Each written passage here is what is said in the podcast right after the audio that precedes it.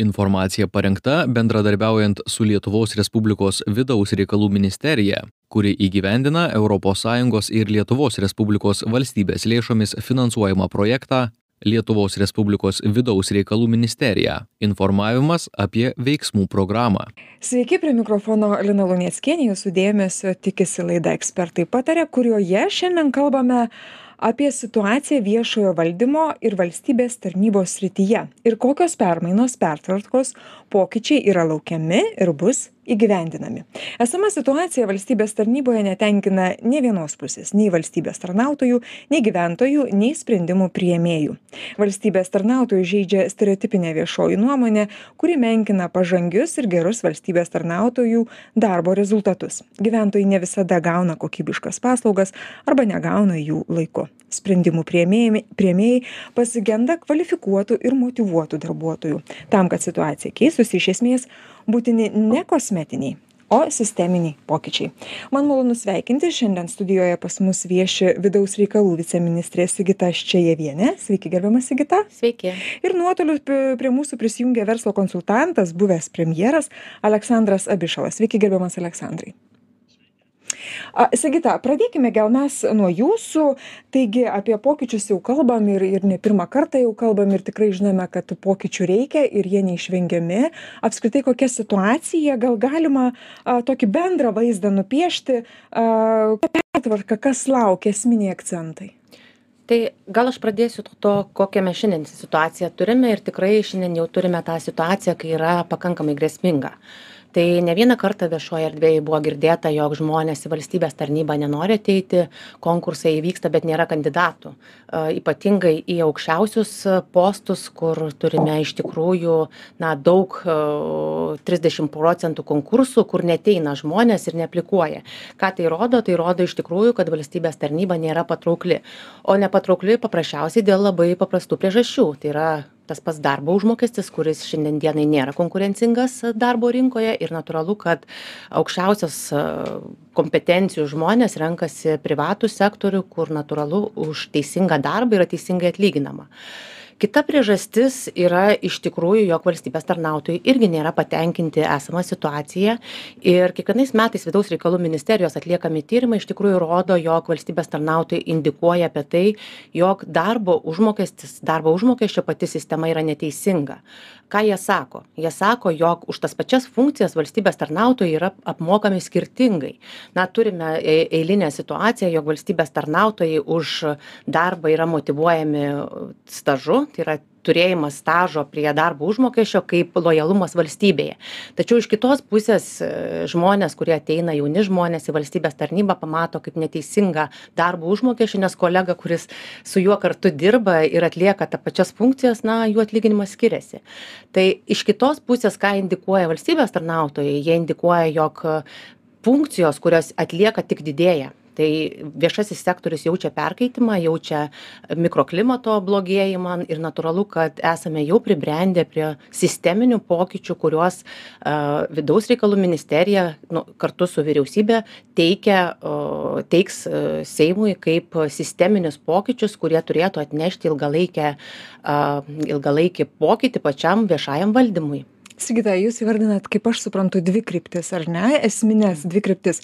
Tai yra atlygio motyvacinė sistema ir kaip suprantu kompetencijų stiprinimas. taip. galbūt aš pasakyčiau yra tų krypčių daugiau tačiau viešoj erdvėj jeigu dabar žiū žiūrint tai pirmiausia turėtumėm sutvarkyti darbo užmokestį kad jis būtų teisingas. Antras strateginė kryptis tai yra vadovai. Iš tikrųjų viešajam sektoriui mes turime stiprinti vadovų korpusą vien tam kad nuo pažangių vadovų ateina tiesioginis efektas į visą viešąjį sektorių. Tai reiškia vadovas atėjęs gali turėti tam tikrą a motyvaciją gerai apmokamas vadovas kompetentingas vadovas tam tikrų sprendinių kurie na atneš tą tokį na efektą visam visam viešajam sektoriui. Trečia labai svarbi kryptis taip kad mes turime stiprinti pačias kompetencijas valstybės tarnyboje nes turime tokią indikaciją jog tarp trisdešim aštuonių ebpo valstybių narių esame tik trisdešim šeštoje vietoje. Ir natūralu kad šitą kompetenciją mes tikrai turime šitą rodiklį gerinti ir investuoti į valstybės tarnautojus. Na ir natūralu jog valstybės tarnyba e, turi būti lankstesnė. Šiandieninė situacija kai turėjome vieną paskui kitą krizę parodė jog esame tikrai suvaržyti e, šiandieninio reguliavimo kai vadovai greitai čia ir dabar negali priimti sprendimų negali disponuoti turimais finansiniais resursais ir visa kita eilė tokių suvaržymų kas neleidžia na tiem tikriem lyderiam vadovam siekti tų tikslų. Tai turbūt būtų tokios pagrindinės kryptys ir kurias iš tikrųjų na bandome koreguoti ir esame parengę paketą projektų paketą kurį teiksime jau rudens sesijoj į seimą artimiausiu metu spalio mėnesį. Gerbiamas aleksandrai noriu kreiptis į jus na įvardino pagrindines kryptis tai yra a mokesčio užmokesčio motyvacinė sistema ar ne lyderystė ir kompetencijų didinimas. Ir lankstumas. Lankstumas, be jokios abejonės, laisvė priimti sprendimus. Kaip jūs, jūs matėte tokias valstybės kryptis gerinant viešai sektorių ir jo valdymą?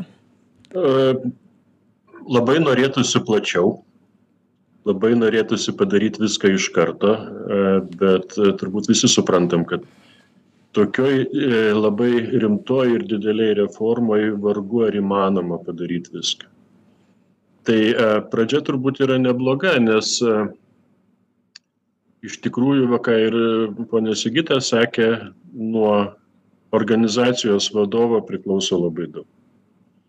Bet lygiai lygiai daug priklauso ir nuo to kokius reikalavimus ir kokius tikslus mes vadovams keliam. E, mūsų liaudyje vadinama biurokratinė sistema vis dar beveik visiškai orientuota į procesą. Tai yra, e, valdininkai gauna taisyklės ir jų darbas žiūrėti, kad e, tos, tų taisyklių būtų laikomasi nepriklausomai nuo tikro gyvenimo.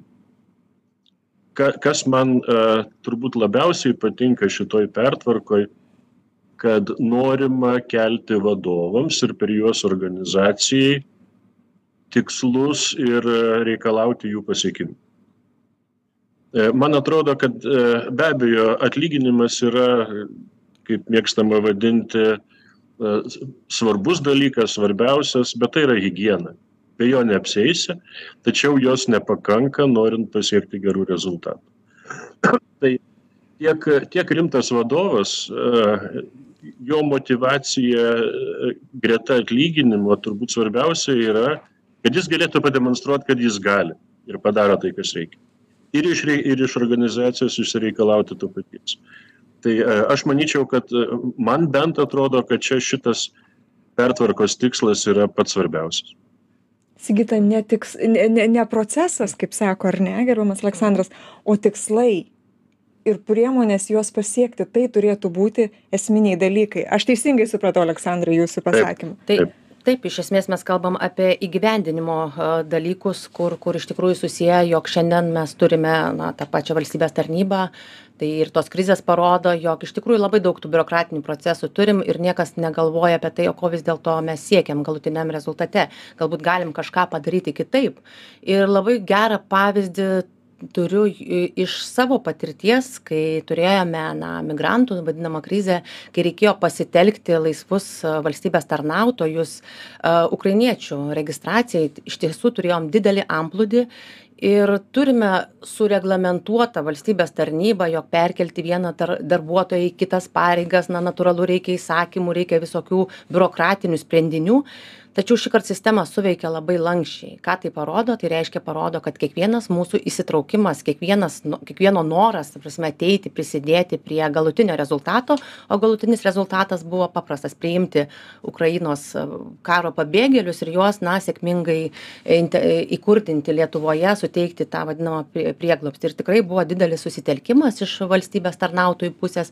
Tai natūralu jog parodo kai žmonės supranta tikslą jo siekia ir rezultatai yra ki kitokie. Tokie dažnai valstybės tarnyboje susiduriam su tuo jog valstybės tie patys tarnautojai atlieka tam tikrą funkciją bet jie nesigilina o kodėl tai reikia o gal galima padaryt efektyviau gal to teisės akto nereikia. Ir natūralu jog nuo kiekvieno iš mūsų priklauso labai didelis indėlis ir į šitą pertvarką Skatinsit iniciatyvas, ar ne, kad, kad taip, asmeninė lyderystė, tiesiog... vadovų lyderystė, kurie skatina darbuotojus atnešti tam tikrus gerus, efektyvius sprendimus. Iš ties tai turėtų būti, na, tie tokie sektini pavyzdžiai ir ką bandau pasakyti, kad uh, įstatymus galime priimti labai gerus, tačiau vėl priklauso nuo jų įgyvendinimo ir noro keistis ir suprasti, o ko reikia mūsų visuomeniai, ko reikia mūsų žmonėm.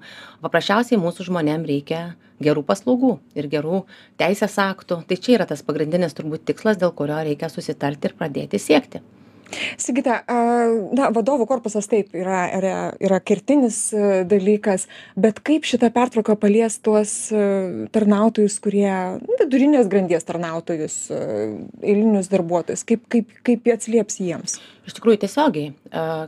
Aš prieš tai buvau minėjusi jog atliekame tyrimus kaip jaučiasi valstybės tarnautojai. Ir natūralu jog valstybės tarnautojai matydami neteisingą atlygio sistemą nesijaučia gerai tuo pačiu nesijaučia gerai ir dėl papildomai kraunamų funkcijų. Ir turime šiandien tokį perkaitusį viešąjį sektorių kai dažnai išgirstame tokį posakį kas dirba tam krauna. Tai natūralu kad mūsų valstybės tarnyba egzistuoja ant tų kurie na dabar tiesiogine to žodžio prasme veža visą viešąjį sektorių. Ir iš tikrųjų turime tų tokių valstybės tarnautojų kur sudėtinga atleidimo procedūra kurie negeneruoja tam tikro rezultato ir nemato prasmės. Tai natūralu kad lyderis vadovas na iš tikrųjų įvertina tuos dalykus ir nuo to tik pačiam viešajam sektoriui patiem valstybės tarnautojam na turėtų pagerėti. Natūralu jog geras lyderis vadovas visada turėdamas teisingą atlygio sistemą įvertina už rezultatus ir skatina žmones už rezultatus. Tai mano nuomone ta prasme geras vadovas tai yra mm, gėris pačiai įstaigai. Nes kaip e, posakis sako iš kur išeina žmonės? Ne iš įstaigos išeina o išeina dėl to kad netinka tam tikros uh, vadovavimo dalykai kai mato neteisingumą kai mato na sakysim mikroklimato uh, blogus dalykus. Tai vat tokie tokios priežastys na žmonės Čia kaip apie tą žuvį, ar ne? Taip, kai tas žuvį, vat, labai galva. geras pavyzdys, kai turim, kad sako, žuvis pūna nuo galvos, tai, na, pradedam remontuoti pačią galvą, kad ateitų tas gėris į, visą, į visas įstaigas, į visas tarnybas. Aleksandrai, jūs pritartumėte tokiai pozicijai? Tikriausiai taip, tai yra natūralu, kad, kad žmonės dažniausiai seka paskui lyderį, kuris, kuris juos įkvėpia, jiems tampa autoritetu ir jie dėl jo tikrai gali padaryti didžius darbus. Jūsų galva, ar, ar eiliniai valstybės tarnautojai tikrai įvertintų tikrą lyderystę kaip kaip jūs matot? Darykim prielaidą kad visi žmonės turi sveiką protą. Vienas dalykas o antras dalykas kad jie nori kažko pasiekti. Aišku yra ir kitaip gyvenime ar ne? Bet bet jeigu taip tai pradedant nuo vadovo kuriam normaliai galvojant irgi norisi pasiekti parodyti atskleisti save o ne išbūti tai e, e, viena vertus jam suteikimas instrumentų taip elgtis e, kitaip sakant atlaisvinant padidinant jo kompetenciją spręsti dėl organizacijos kas numatyta šitoj pertvarkoj. Antra vertus reikia ir tam tikros prievartos o prievarta tiesiog nebūti atleistam ar ne? Arba noras nebūti atleistam iki šiol atleisti vadovą valstybės įstaigos buvo galima dėl to kad jis arba girtas partrenkia žmogų arba valdiška mašina nuvažiuoja į sodą. Jeigu nepadaroma tokių klaidų vadovas yra geras. Ne? Tai jeigu jeigu pavyks padaryti tai ko siekiama kai jau priimant vadovą jam iškeliami tikslai taip kaip privačiose kompanijose jeigu tu samdai direktorių tu jam iškeli tikslus ir jeigu jis tų tikslų nepasiekia jis paprašomas pasitraukti ir be jokių teismų ar ko nors kito. Tai jau vien tai verstų vadovą ir rinktis komandą tokią kuri jam padės įgyvendinti tikslus ir tą komandą valdyti taip kad ji norėtų ir galėtų tuos tikslus pasiekti. Tai yra tiek funkcijų paskirstymas tiek motyvacinės sistemos ir visi kiti dalykai galėtų būti vadovo rankose tada tikrai turbūt nesinorėtų net kur nors provincijoj priimti į darbą savo pusseseres sūnaus žmonos, kad ji turėtų kur, ką veikti. Bet čia yra, man atrodo, esminis dalykas, kažkaip reikia pakeisti viešojo administravimo žmonių galvojimą nuo to, kad įstaiga reikalinga tam, kad jis turėtų darbą, į tai, kad jis reikalingas įstaigai, kad ji padarytų savo darbą. Sigita, aukso žodžiai. Tai iš tikrųjų tai puikus požiūrio transformacija turi įvykti, kad, kad va, kaip Aleksandras ir sako, kad žmogus jaustųsi, kad jisai kuria vertę įstaigai, o ne įstaiga jam kuria vertę. Teisingai? Teisingai. O kaip gyventojai pajus pertvarką kai ko ko kokią įtaką mums va eiliniams žmonėms e, jūs iš tikrųjų gyventojai jo iš tikrųjų iš tikrųjų mhm. gyventojai paprasčiausiai pajus per gaunamų paslaugų kokybę nes jeigu taip pasižiūrėjus į tą biurokratinį kaip sakau valstybės tarnybos aparatą kur šiandien dienai na visi įsivaizduoja kad e, valstybės tarnautojai geria kavą ir daugiau nieko nedaro tai iš tikrųjų e, aparatas pats veikia daug funkcijų atlieka. Tai pirmiausia teisėkūra. Tai iš tikrųjų sustiprinus kompetencijas sustiprinus per vadovus per valstybės tarnautojų kompetencijas. Teisės aktų kokybė turėtų gerėti natūraliai teisės aktų kokybė gerėja gerėja paslaugos gyventojams gerėja funkcijų vykdymas gyventojams. Na paprastas pavyzdys. Turime sakysime kokią sveikatos sistemą. Ta prasme tai sveikatos paslauga tai yra paslauga kurią tiesiogiai pajaučia pajaučia gyventojai. Tačiau kas kuria teisės aktus ir kas peržiūrinėja procesus tam kad e, efektyvesnis gydymas būtų mūsų pacientams. Ta pati sveikatos ministerija tos pačios ligonių kasos tos pačios įstaigos kurios na funkcionuoja šitoj sistemoj. Tai natūraliai galutiniam procese turėtų gyventojai jausti geresnes viešąsias paslaugas geresnes administracines paslaugas. Kitas pavyzdys e, gyventojas na nori nori gauti čia ir dabar leidimą kad ir tam pačiam medžiui nukirsti tą patį leidimą kažkokiai tai veiklai vykdyti.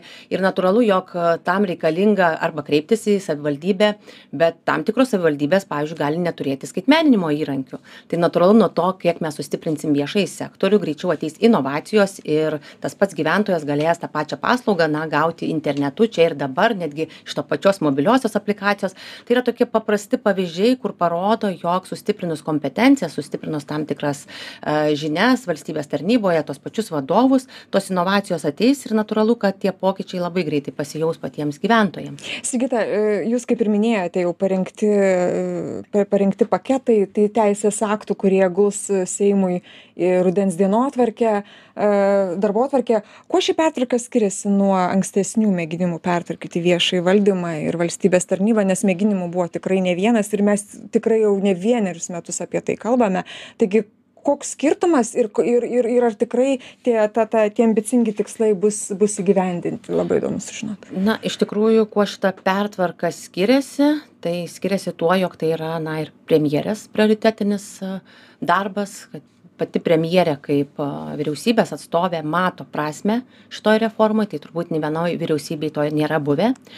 Kitas labai svarbus aspektas jog į viešo valdymo pertvarką mes žiūrime kompleksiškai. Tai yra ne tik žmonės kurie dirba valstybės tarnyboje ne tik tie vadinami valstybės tarnautojai bet ir įstaigos tai lygiagrečiai mes dirbame ir su įstaigų tinklo optimizavimu ir galbūt viešoj erdvėj nesimato tam tikrų rezultatų bet jau šiandien per pavyzdžiui per du tūkstantis dvidešim pirmuosius metus turime suoptimizuotą viešąjį sektorių. Mes paskutiniais duomenimis turėjom apie keturis šimtus penkiasdešim kažkur įstaigų tai per dvidešim pirmus metus jau turime sumažėjimą ir susitraukimą. Tai pavyzdžiui biudžetinių įstaigų yra sumažėję jau keturiasdešim septyniom artimiausiu metu planuojama dar šešiolika įstaigų suoptimizuoti. Ką tai reiškia? Tai reiškia jog e, optimizuojant įstaigas na tu įgauni tam tikrų papildomų resursų na ir tiem patiem darbuotojam skatinti ir ir atsiranda papildomas ir finansavimo šaltinis ir gerėja tuo pačiu pačiu paslaugos gyventojams. Tai mūsų išskirtinumas yra tuo jog mes einame kartu e, nešdami tris viename kaip aš sakau nešame paketą kuris tvarko žmogiškuosius išteklius tai yra tą pačią valstybės tarnybą. Antras paketas yra susijęs su įstaigų optimizavimu ir jų valdysenos tvarkymu. Ir atsiranda labai svarbus kertinis subjektas kuris veiks viešajame valdyme tai yra viešo valdymo agentūra.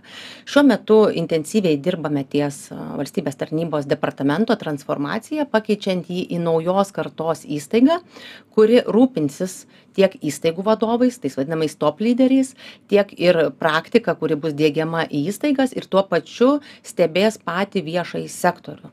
Jeigu taip kalbant mes valstybėje neturėjome nei vieno subjekto nei vienos įstaigos kuri užsiimtų tokiu kompleksiniu stebėsena. Tai būtent viešo valdymo agentūra ir bus ta įstaiga kuri praktikoj įgyvendins visus šiuos pokyčius gerbiamas aleksandrai na girdėjom tikrai išsamų išsamų a kelionę išsamią išsamią procesų eigą kaip bus įgyvendinta. Kaip jūs manot su kokiais didžiausiais iššūkiais susi gali susidurti ši pertvarka na pirmiausia e, susitarkim kad niekas neįvyksta per naktį. Seimas gali vienos viena vienu rankos pakėlimu priimti įstatymus bet tai dar kaip ir sigita sakė nieko nereiškia praktinis įgyvendinimas, pakeitimas, ypač kultūros, trunka ilgai. E, geras pavyzdys yra valstybinių įmonių buvusių pertvarka, kuri kol pasiekė tam tikrų neblogų rezultatų, nors žmonėm gali atrodyti kitaip, šnekant apie elektros kainas, ar ne? E, tačiau jų, jų veikimas ir vertinant iš išorės pasikeitė iš esmės, bet tam reikėjo dešimties metų. O tai reiškia, kad reikia politinės valios pirmiausia nesustoti, negryžti ir judėti toliau. E, pagrindinis pokytis, e, aš, aš jau sakiau, ne, ne, ne, ne man darbo vieta, o aš ta, kažką darau, bet yra ir kitas dalykas. Per, per, per nepriklausomybės metus mūsų viešoji administracija buvo iš esmės kontroliuojanti ir nurodanti. E, esminis pasikeitimas pereiti į savo darbą, e, galvoti kaip apie klientų aptarnavimą. Ne visada tai vyksta tiesiogiai, reiškia, viešasis administravimas e, ne, negydo ligonių, bet jis valdo gydymo įstaigas.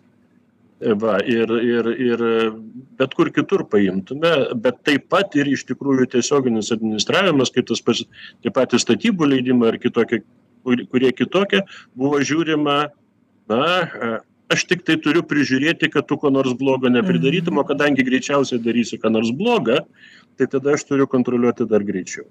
Reikia pereiti prie padėjėjo, patarnautojo, pagalbininko tam, kad vyktų dalykai. Ir mes dabar šnekam čia daugiausiai apie gyventojus, tai yra apie žmonės privačiam savam gyvenime, bet dar yra ir ekonomika ir yra žmonių sakančių kad gerai ekonomikai reikia trijų i investicijų inovacijų ir institucijų. Na kartais atrodo laisvos laisvos rinkos apologetams kad čia valdžia išvis neturi kištis bet taip nėra. Valdžia privalo kurti sąlygas skatinti o ne trukdyti. Tai tai nu reiškia nuo viešojo nuo viešojo administravimo priklauso ne tik tai į kokią mokyklą vaikai eis bet kiek mes turėsim kiek mes turėsim uždirbti uždirbę turto kaip kaip gerai mes gyvensim asmeniškai. Ir ir ir be abejo konkuruosim su kitom valstybėm kas yra dar nemažiau svarbu ar ne? Nes būtent nuo viešojo administravimo ir nuo politikos priklauso mūsų konkurencijos sąlygos. taip sigita lab pabaigai nes mūsų laikas visiškai baigiasi na pabūkim tie tokie pesimistai šiek tiek momentą tiktai kas būtų jei pertvarka neįvyktų? Labai trumpai jeigu galit. Na turbūt lab kas būtų būtų status quo ką mes turim šiandien tai atskirtis dar daugiau didėtų tarp viešo ir privataus sektoriaus. A valstybės tarnyba toliau būtų tokia kur esant vienai ar kitai ekstremaliai situacijai nepaprastai padėčiai išties būtų sudėtinga pasikliaut. A būtų grėsminga turbūt sakyčiau padėtis jau valstybėje kai na valstybės tarnautojai ne negalėtų ir nebūtų kompetentingi atnešti tų tokių sprendinių kurie na sustiprintų pačią valstybę na ir turbūt perkaitimas viešajam sektoriui tik didėtų. E, atlygio sistema kuri ir dabar yra neteisinga toliau būtų traktuojama kaip neteisinga. Na ir turbūt jaunų žmonių prisikviesti į valstybės tarnybą būtų pakankamai sudėtinga. Turime situaciją jog šiandienai apie penkiasdešimties metų amžiaus valstybės tarnautojai. Tai dar taip tai dar po dešimties metų turbūt turėtumėm jau šešiasdešimties metų valstybės tarnybą ir kalbėtumėm apie tai o kodėl tas jaunimas neateina į valstybės oi tai palikim šitus šitas baisybes kur nors paraštėj pamirškim apie jas. Ačiū jums už pokalbį noriu padėkoti. Ir žinių radijo klausytojams priminti kad laidoje šiandien svečiavosi vidaus reikal vidaus reikalų viceministrė sigita ščejevienė ir verslo konsultantas buvęs premjeras aleksandras abišala dėkoju jums abiem už pokalbį laidą vedžiau aš lina luneckienė jūs ir toliau likite su žinių radiju. Gražių jums dienų. Informacija parengta bendradarbiaujant su lietuvos respublikos vidaus reikalų ministerija kuri įgyvendina sąjungos ir lietuvos respublikos valstybės lėšomis finansuojamą projektą lietuvos respublikos vidaus reikalų ministerija. Informavimas apie veiksmų programą